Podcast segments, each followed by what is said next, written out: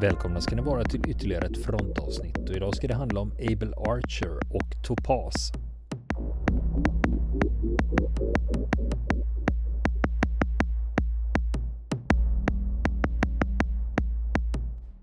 Ja du Niklas, Able Archer känner jag ju till i alla fall. Ja. Det, För jag, har ju, jag har ju sett tv-serien Deutschland 83. Ja, där figurerar ju Able Archer. Gör det, det är ju the backdrop, eller man säger så, bakgrunden i hela, hela den serien. Det, för de som inte kommer ihåg Deutschland 83 så är det ju en, det är en östtysk James Bond kan man väl kalla honom. Ja, det är en spionhistoria. Exakt. En eh, östtysk agent som slussas över järnridån och hamnar mitt i smeten då och eh, hjälper till att stoppa ett eh, atomkrig. Mm. Tredje världskriget. Tredje världskriget, ja precis. Ehm, och det mesta är ju påhittat i den serien, men den, har, men den är inspirerad av verkliga händelser. Är det. Och det fanns faktiskt en övning, en NATO-övning, eller NATO-manöver kanske man säger, som hette Able Archer 83. Och eh, det här var, det, det, var ju mitt under kalla kriget. Och eh, det fanns ju otroligt mycket kärnvapen stationerade i Europa på den tiden. Både på eh, öst och västsidan. Och det var ju ett helt annat samhällsklimat under kalla kriget verkligen. För de som, eh, de som minns det. Hur det var på den tiden. Ehm, den här rädslan för att det när som helst skulle vara någon som tryckte på knappen och eh, världens undergång skulle inträffa. Ungefär det, det, det har väl många i, i, eh, som är tillräckligt gamla för att minnas det. Eh, ja, erfarenhet av den, den speciella atmosfären som rådde på den tiden i, i det sammanhanget. Mm. Och det fanns ju ofantligt stora pansararméer. För det fanns en idé om att det skulle stå ett stort Eh, pansarslag i Centraleuropa. Just det. Ja, hela, hela Centraleuropa var ju som ett enda stort militärläger kan man säga.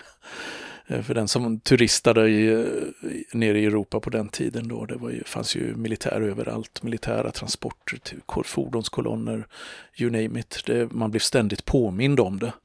blev man ju. Och um, det brukar vara så, eller det är ofta så i historieskrivningen då, att de tänker, ja men när var det som närmast att det blev ett tredje världskrig? Och det, det som traditionellt brukar komma upp, det är Kuba, Kubakrisen Eh, 1961. Eh, att det aldrig var så nära ett kärnvapenkrig som då. Och det var ju eh, oerhört spänt då. Och eh, hela världen höll ju andan den gången. Ehm, när, när liksom bägge sidor ökade sina insatser och körde ett chicken race nästan. När det gällde just eh, det nukleära hotet.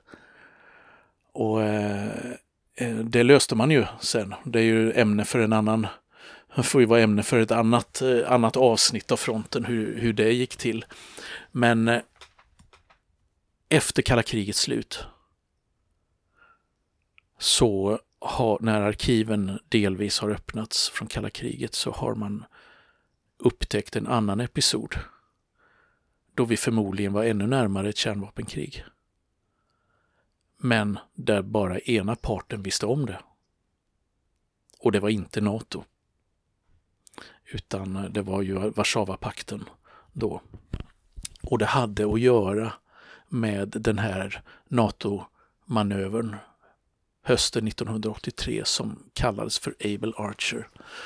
Um, och det är det, uh, det, det som vållade väldigt mycket uppseende när det här, när det här avslöjades då första gången på 90-talet och e-, efter det så har, har det släppts ytterligare dokument som har stärkt eh, uppgifterna om att det faktiskt var oerhört nära att eh, de sovjetiska strategiska kärnvapenstyrkorna tryckte på knappen eh, den gången. Därför att man, var, eh, man trodde sig vara utsatt för ett överraskningsangrepp med kärnvapenrobotar från, från NATO.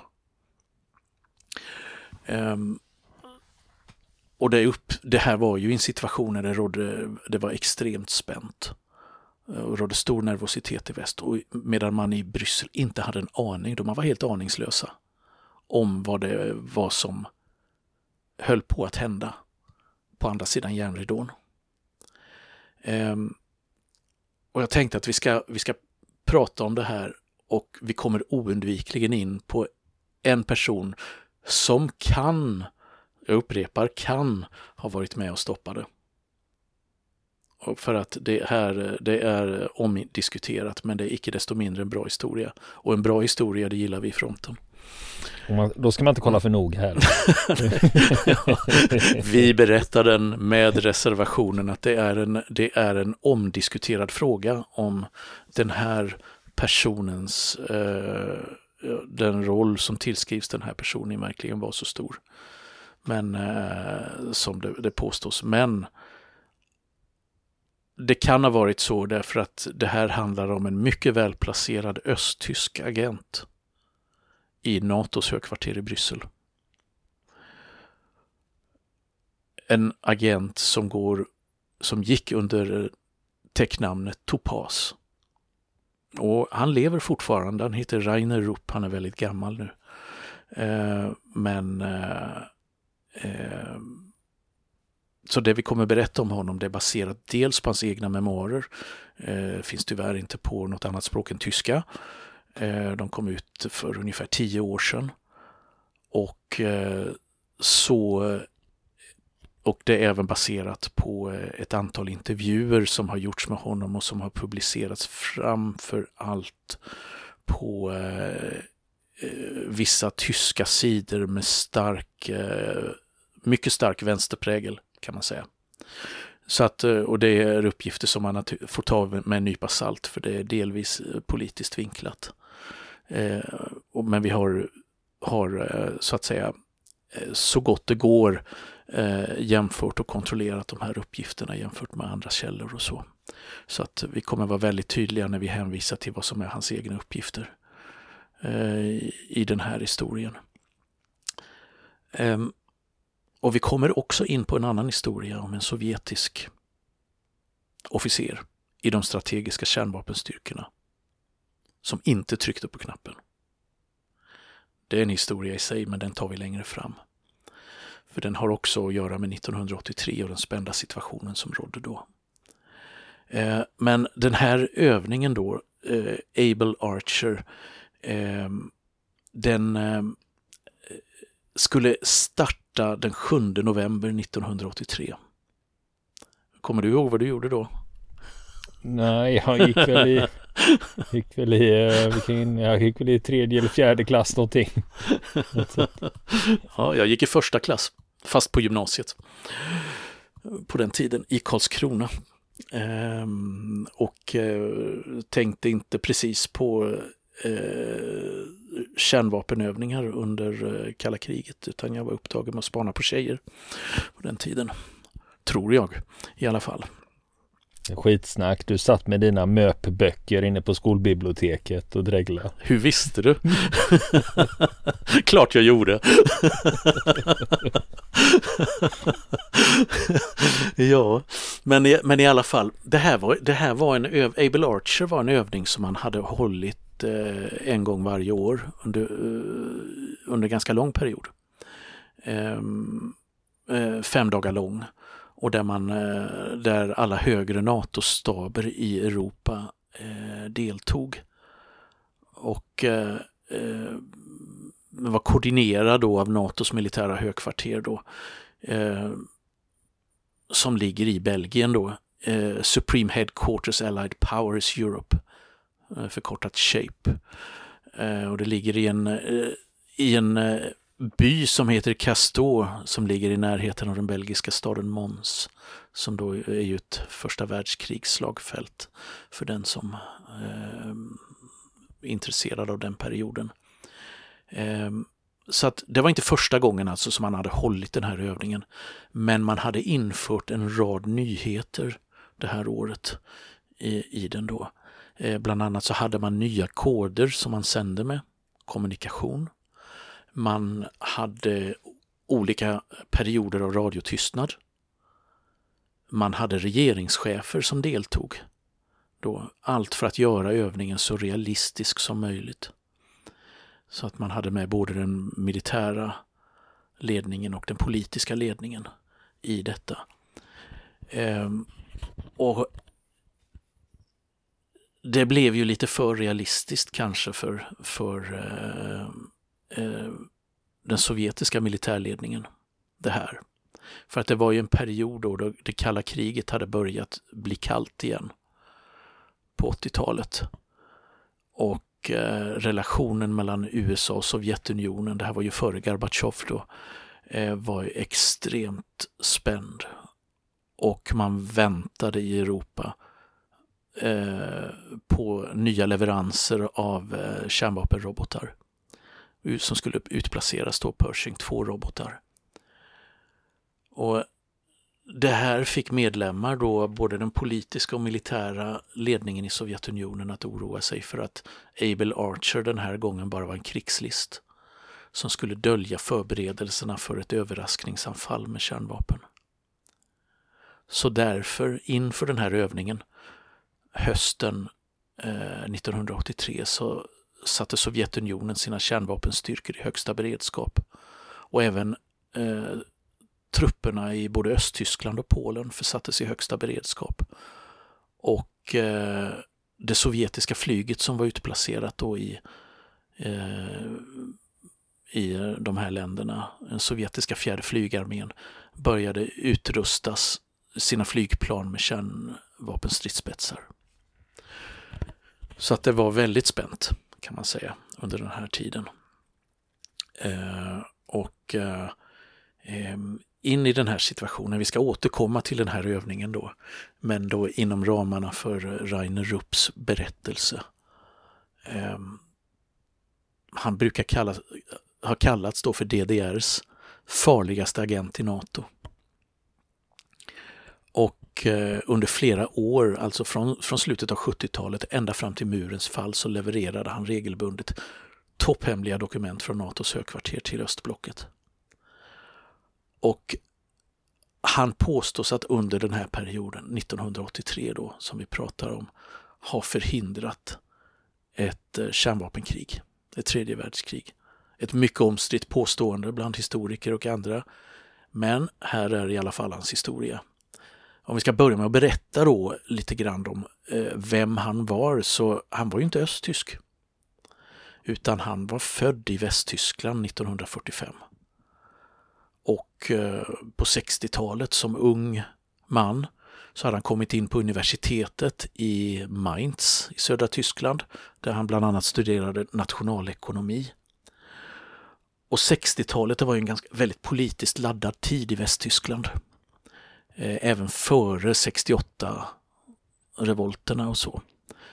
Och som universitetsstudent så var han politiskt aktiv. Han hade lockats till, eh, blivit sympatiserade med marxismen och var upprörd över USAs krigföring i Vietnam.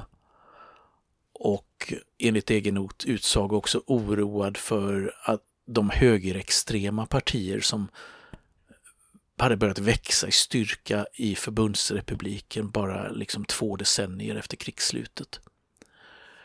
Och, och eh, som då hade, också hade enstaka ledamöter i vissa delstatsparlament och i både Hessen och Bayern. Så satt till exempel NPD eh, med enstaka ledamöter och han var väldigt oroad över att den här utvecklingen skulle fortsätta och bara bli värre igen. Och som sagt starkt vänsterinfluerad. Det är ju inte så förvånande. Jag tänkte Nej, just det var ju... ut i Västtyskland. För ja, jag tänkte det blev, sen blev det ju Rotarmé-fraktion och ja, sådana inriktningar som också. kulminerade. Precis alltså på 60-talet. Det var ju en stor vänstervåg eh, på många håll i Europa. Eh, och eh, eh den började ju före 68 så att säga. Det var ju inte som en blick. Den kom ju inte från ingenstans så att säga. Utan det, det fanns ju en radikalisering då eh, till vänster som framförallt hade sitt säte på många universitet då. Ehm, och eh, Rainer Rupp, han började sin spionkarriär över en gulaschsoppa 1967 kan man säga. För att han hade varit ute och demonstrerat tillsammans med några kamrater mot västtyska eh, undantagslagar som eh, man protesterar mot skulle inskränka demokratin och, och så vidare. Och efter demonstrationen så hade han och några andra kamrater ramlat in på en restaurang eller värdshus i Mainz eh, för att äta en bit mat och dricka ett par öl och när det var dags att gå så visade det sig att de kunde inte betala notan. Det fattades en struntsumma, 50 pfennig. Alltså, vad kan det motsvara idag? Eh, det, det kanske är ja, 20-30 cent kanske, något sånt. Ja. ja, jag tänkte på den tiden. Eh, då låg marken låg ungefär 3,50 svenska kronor. Så säg att det var 1,75 svenska kronor. Under 2 kronor i alla fall. Ja, precis. Så det var en struntsumma, men det blev ändå problem eh, på grund av detta. Men då kommer en trevlig herre vid grannbordet till undsättning och betalar då, chippar in den saknade slanten och eh, bjuder sedan de här studenterna på, eh, på öl. Och eh, det var ju trevligt, det var ju gentilt. Vad de inte visste var att den här mannen, han var en värvare från DDRs underrättelsetjänst, talangscout helt enkelt. Från det som då hette Hauptverwaltung Aufklärung, alltså huvudavdelningen för eh, underrättelser. Eh, och det var ju det östtyska utrikesspionaget alltså som var en, var en del av ministeriet för statssäkerhet, Stasi. Och eh, den här mannen då, eh, Rupp, han, eh, han avslöjar inte vad den här mannen hette, men de fick väldigt god kontakt med varandra, började prata, fann varandra direkt och visade sig att de hade en, eh, hum, en del gemensamma politiska värderingar som gjorde att de förstod varandra väl. Och idag vet vi att det här var en, det var ju en del av värvningen av en potentiell agent då för att han blev väldigt uppvaktad. De sågs ofta och, och pratade och pratade och visade sig dela ganska mycket samma världsbild och så. Och efter nästan ett års bearbetning av RUP så kom den avgörande frågan från den här den här mannen då. Och det var om den politiskt intresserade studenten kunde tänka sig att arbeta för DDR och världsfreden som det hette. Det var så det lades fram och det, är ju, eh, det kan ju låta lite fånigt idag men det var oftast på de premisserna som agenter i väst blev värvade för att arbeta åt östblocket och många var även efteråt att ha blivit avslöjade då eh, så var de fortfarande övertygade om att de genom sitt hemliga arbete som spioner hade bidragit till att inte ett världskrig utbröt därför att man hade kunnat serva andra sidan då med information som gjorde att de att situationen inte eskalerades helt enkelt och att det faktiskt blev ett krig.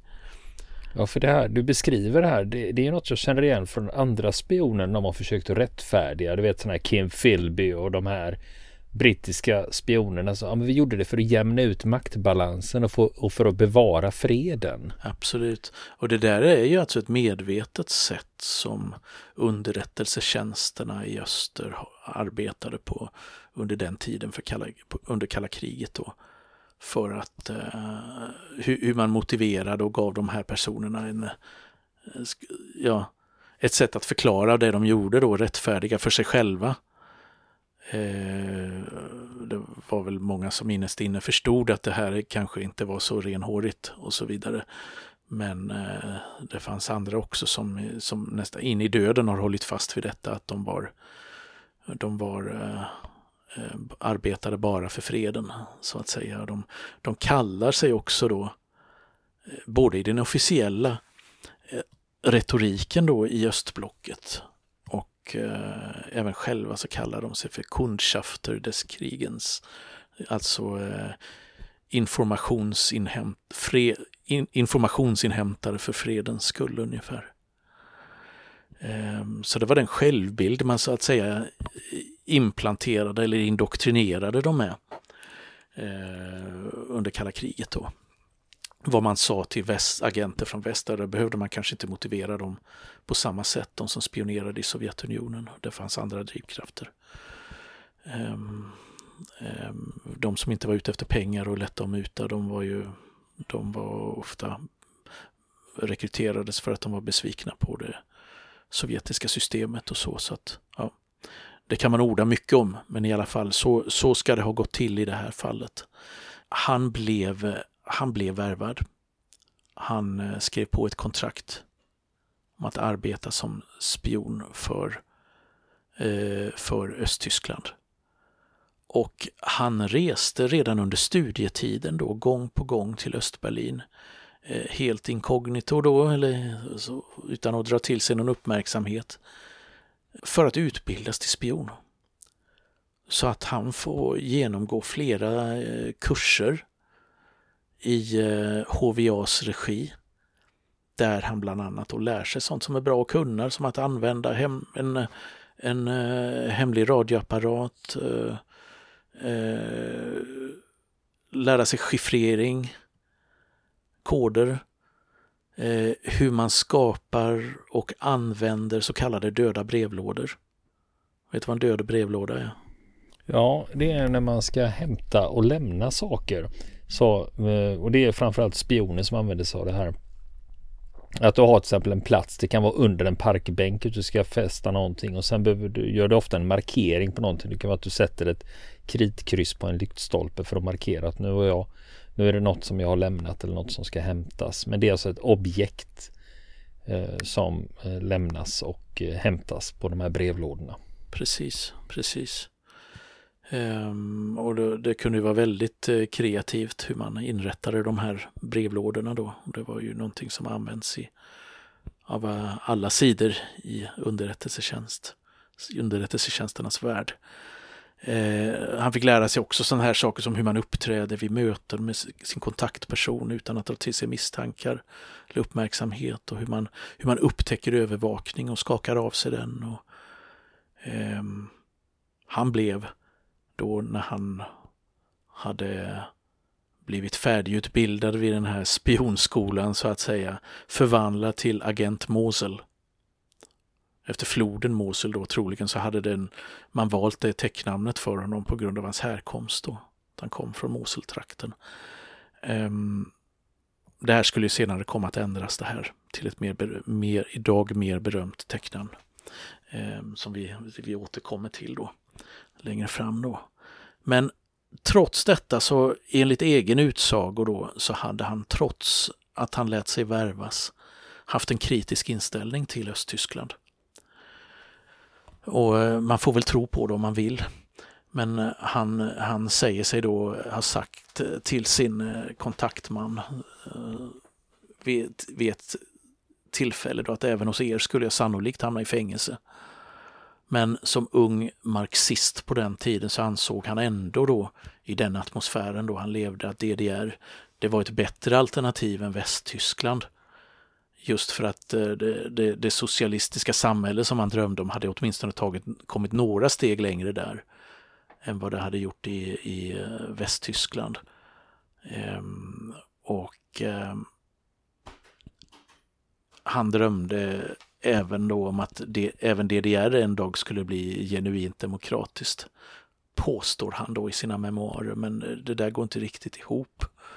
För att, eh, och det kan man ju tänka sig, beror det på naivitet eller efterhandskonstruktioner? För om det bara finns ett enda samhällssystem baserat på en enda ideologisk inriktning som inte tolererar andra politiska rörelser, vilka är då de andra alternativen man kan rösta på i valen? Där? Så att eh, det går ju inte riktigt ihop, gör det inte, men eh, det vet man ju inte om det är efterhandskonstruktioner eller om man verkligen trodde att eh, det skulle kunna bli så någon slags demokrati på det sättet som vi uppfattar den i, i östblocket och Östtyskland. Ehm, det såg man ju hur det gick när man försökte införa någon form av demokrati i Tjeckoslovakien 1968. I alla fall lite mer större element av demokrati än vad man hade i de övriga östländerna. Det, Det experimentet avslutades ju med sovjetiska stridsvagnar. Eh, men när han var färdig, när han hade blivit en så att säga kundschafter des Friedens, eh, så räknades han alltså till en av de 4000 agenter på ett ungefär som stod i HVAs tjänst, då, det östtyska utrikesspionaget. Och eh, han var ju då eh, skulle komma att vara hemlig även för dem i Östtyskland som tog emot hans rapporter. Hans identitet kom att vara hemlig då, även för dem som regelbundet tog emot och bearbetade hans rapporter då i Östberlin i HVAs högkvarter. Och det skulle visa sig vara en, en, en smart åtgärd för eh, hans del, långt efter murens fall. Ehm, men han blev i praktiken en mullvad eh, i väst eftersom han hade rekryterats redan innan han hade inlett sin karriär eh, någonstans då och sen kunde arbeta sig upp då obemärkt i någon, någon eh, verksamhet där, där Stasi ville sätta in honom. Eh, han tog ju tog examen i nationalekonomi med eh, lysande betyg. Gifte sig och gjorde en snabb karriär. Och eh, han var ju en vin, blev en vinstlott för eh, HVA då, för 1977 så fick han jobb hos NATO. Men det där var inte planerat. Han skrev, skrev senare, senare då i, i att HVA inte alls hade räknat med eller planerat för att jag skulle lyckas ta mig in i NATO-högkvarterets allra heligaste.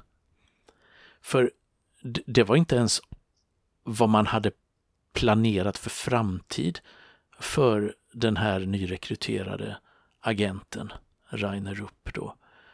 Utan, och det här är också baserat på hans egen utsago, vad de ville var att han skulle spionera på EG, Europeiska gemenskapens högkvarter i Bryssel, alltså det, det som ja, föregångaren till EU. Att han skulle etablera sig där och söka jobb och nästla sig in på olika sätt då, så att man kunde eh, eh, ja, utnyttja honom eh, liksom för politiskt och ekonomiskt spionage. Så att eh, någon tanke på NATO fanns inte. Egentligen då. Han började då, han, han flyttade till till Bryssel då. Eh, han var då ung, eh, nygift. Alltså hans eh, fru flyttade med då också och fick jobb i Bryssel. Han var först forskare i nationalekonomi vid universitetet i Bryssel och sen hoppade han till ett annat jobb då, lite närmare EG då som assistent till chefen för en lobbygrupp som arbetade gentemot Europeiska gemenskapen då, där, där uppdragsgivarna då, eller kunderna, var stora västtyska och amerikanska industrikoncerner då som ville ha hjälp att öppna eh, dörrarna i maktens korridorer i EG då. Och eh, efter det så blev han avdelningschef i en brittisk handelsbank i Bryssel. Och under hela den här tiden då så Eh, de som lärde känna honom då eller kände till honom då, så framstod han som en ganska anonym och lågmäld person. Och det var ju en taktik för att inte väcka misstankar. Han hade inget öppet vänsterpolitiskt engagemang. Det fick ju naturligtvis inte synas. Det hade hans uppdragsgivare i Östberlin avrått honom från redan under studieåren då. Ägna dig inte åt det utan satsa på karriären istället. Det är där vi behöver dig. Ehm, så att det uppstod en ganska fascinerande situation då med en eh, marxist som chef på en handelsbank. Det är en liksom contradiction in terms på något sätt kan man säga. Men, men så var det i alla fall. Under tiden så hade hans hustru då, eh, Kristin Ann Rupp, under tiden faktiskt fått jobb hos den brittiska delegationen i NATO i Bryssel då. Ehm, hon hade något slags sekreterarjobb där. Och en dag av en händelse, så eh, kanske över en frukost, vad vet jag, så påpekar hon för honom då att ett jobb har blivit utlyst i NATO-högkvarteret. Eh, och han hade, men han hade inga förväntningar på att han skulle kunna få ett jobb där, men han valde ändå att söka det utan att fråga sina uppdragsgivare i Östberlin om lov att göra det. Eh, och efter den här ansökan så blev han eh, självfallet säkerhetskoll... Man kollade hans bakgrund väldigt noga och även hans bekantskapskrets då. Ehm, ingenting hände. Inte förrän ett år senare så blev han inbjuden att göra en rad skriftliga tester.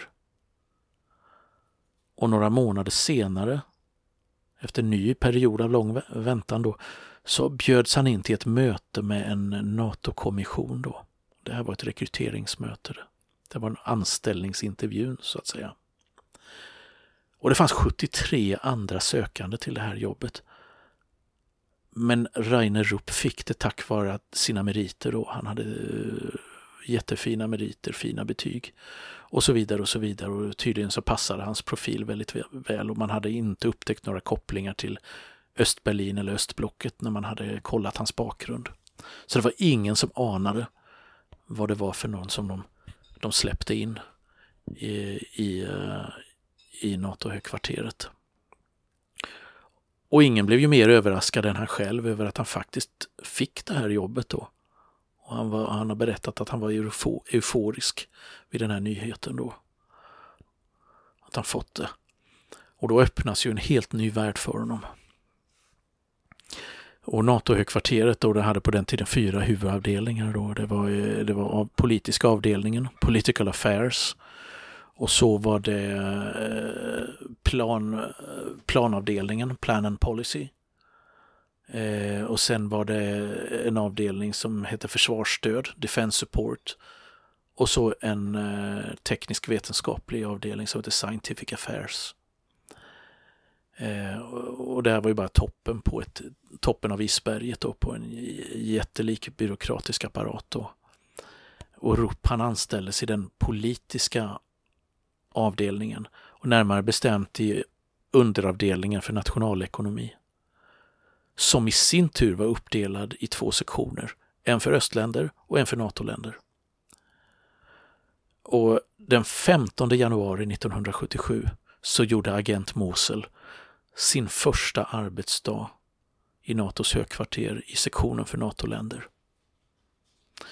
Eh, och denna sektion då, den hade ett nära samarbete med huvudavdelningen för försvarsplanering. Eh, plan and Policy då.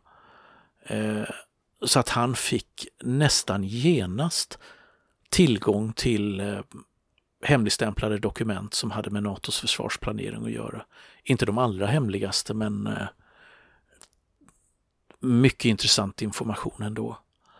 Um, och han lärde sig ju snabbt då hur högkvarteret och den, det komplexa NATO-maskineriet fungerade och skaffade sig ett stort kontaktnät där han lärde känna många, många medarbetare och han fick rykte om sig då, var duglig och flexibel och effektiv då, löste arbetsuppgifter fort och på ett väldigt kompetent sätt. Och han framstod då i både sina chefers och andras eh, kollegers ögon då som ambitiös och rent av ärgirig då. Och det sågs uppenbarligen inte som en nackdel då. Eh, för han skulle, skulle bli eh, en betrodd medarbetare i högkvarteret och han, han anlitade som föredragshållare för eh, kan man säga högoktaniga eh, publiker då, alltså mm, högt uppsatta besökare och åhörare då och gjorde ofta tjänsteresor till olika NATO-länder då. Um, så mitt i smeten kan man säga då och hans, eh, hans eh, rapporter och analyser då syntes ofta i de eh, interna NATO-cirkulären. Och ehm, han fick ju då så småningom Eh, Eh, efter ett gediget arbete tillgång till de allra hemligaste dokumenten, det allra heligaste inom NATO, i NATOs försvarsplanering. Som kallas typ något Cosmic Secrets level eller något i den stilen på internt lingo eh, i den världen då. Och eh, det är vid den här tiden då för det här inser ju, här inser ju HVA då att eh, deras, eh, deras agent visat sig vara inte bara lovande utan en vinstlott med storvinst på. Ehm, och han börjar ju regelbundet lämna ut hemliga uppgifter. Eh, leverera det över järnridån. Jag ska berätta lite i nästa avsnitt hur detta går till och sånt. Men det är i den här vevan i slutet av 70-talet som han också får ett nytt tecknamn. Som mer ska motsvara då hans ställning. En ädelsten, topas. Och nästa vecka så kommer vi fortsätta att berätta om hans, eh, hans väg allt längre in i NATOs allra hemligaste och eh, hur han kom att eh, kopplas till den här NATO-manövern Able Archer 1983. Vill ni komma i kontakt med oss så kan ni göra det via vår Facebook-sida som heter Fronten. Det är inga problem för er att leta er fram där. Eller också så mejlar ni på vår mejladress och det är frontenpodcast.gmail.com.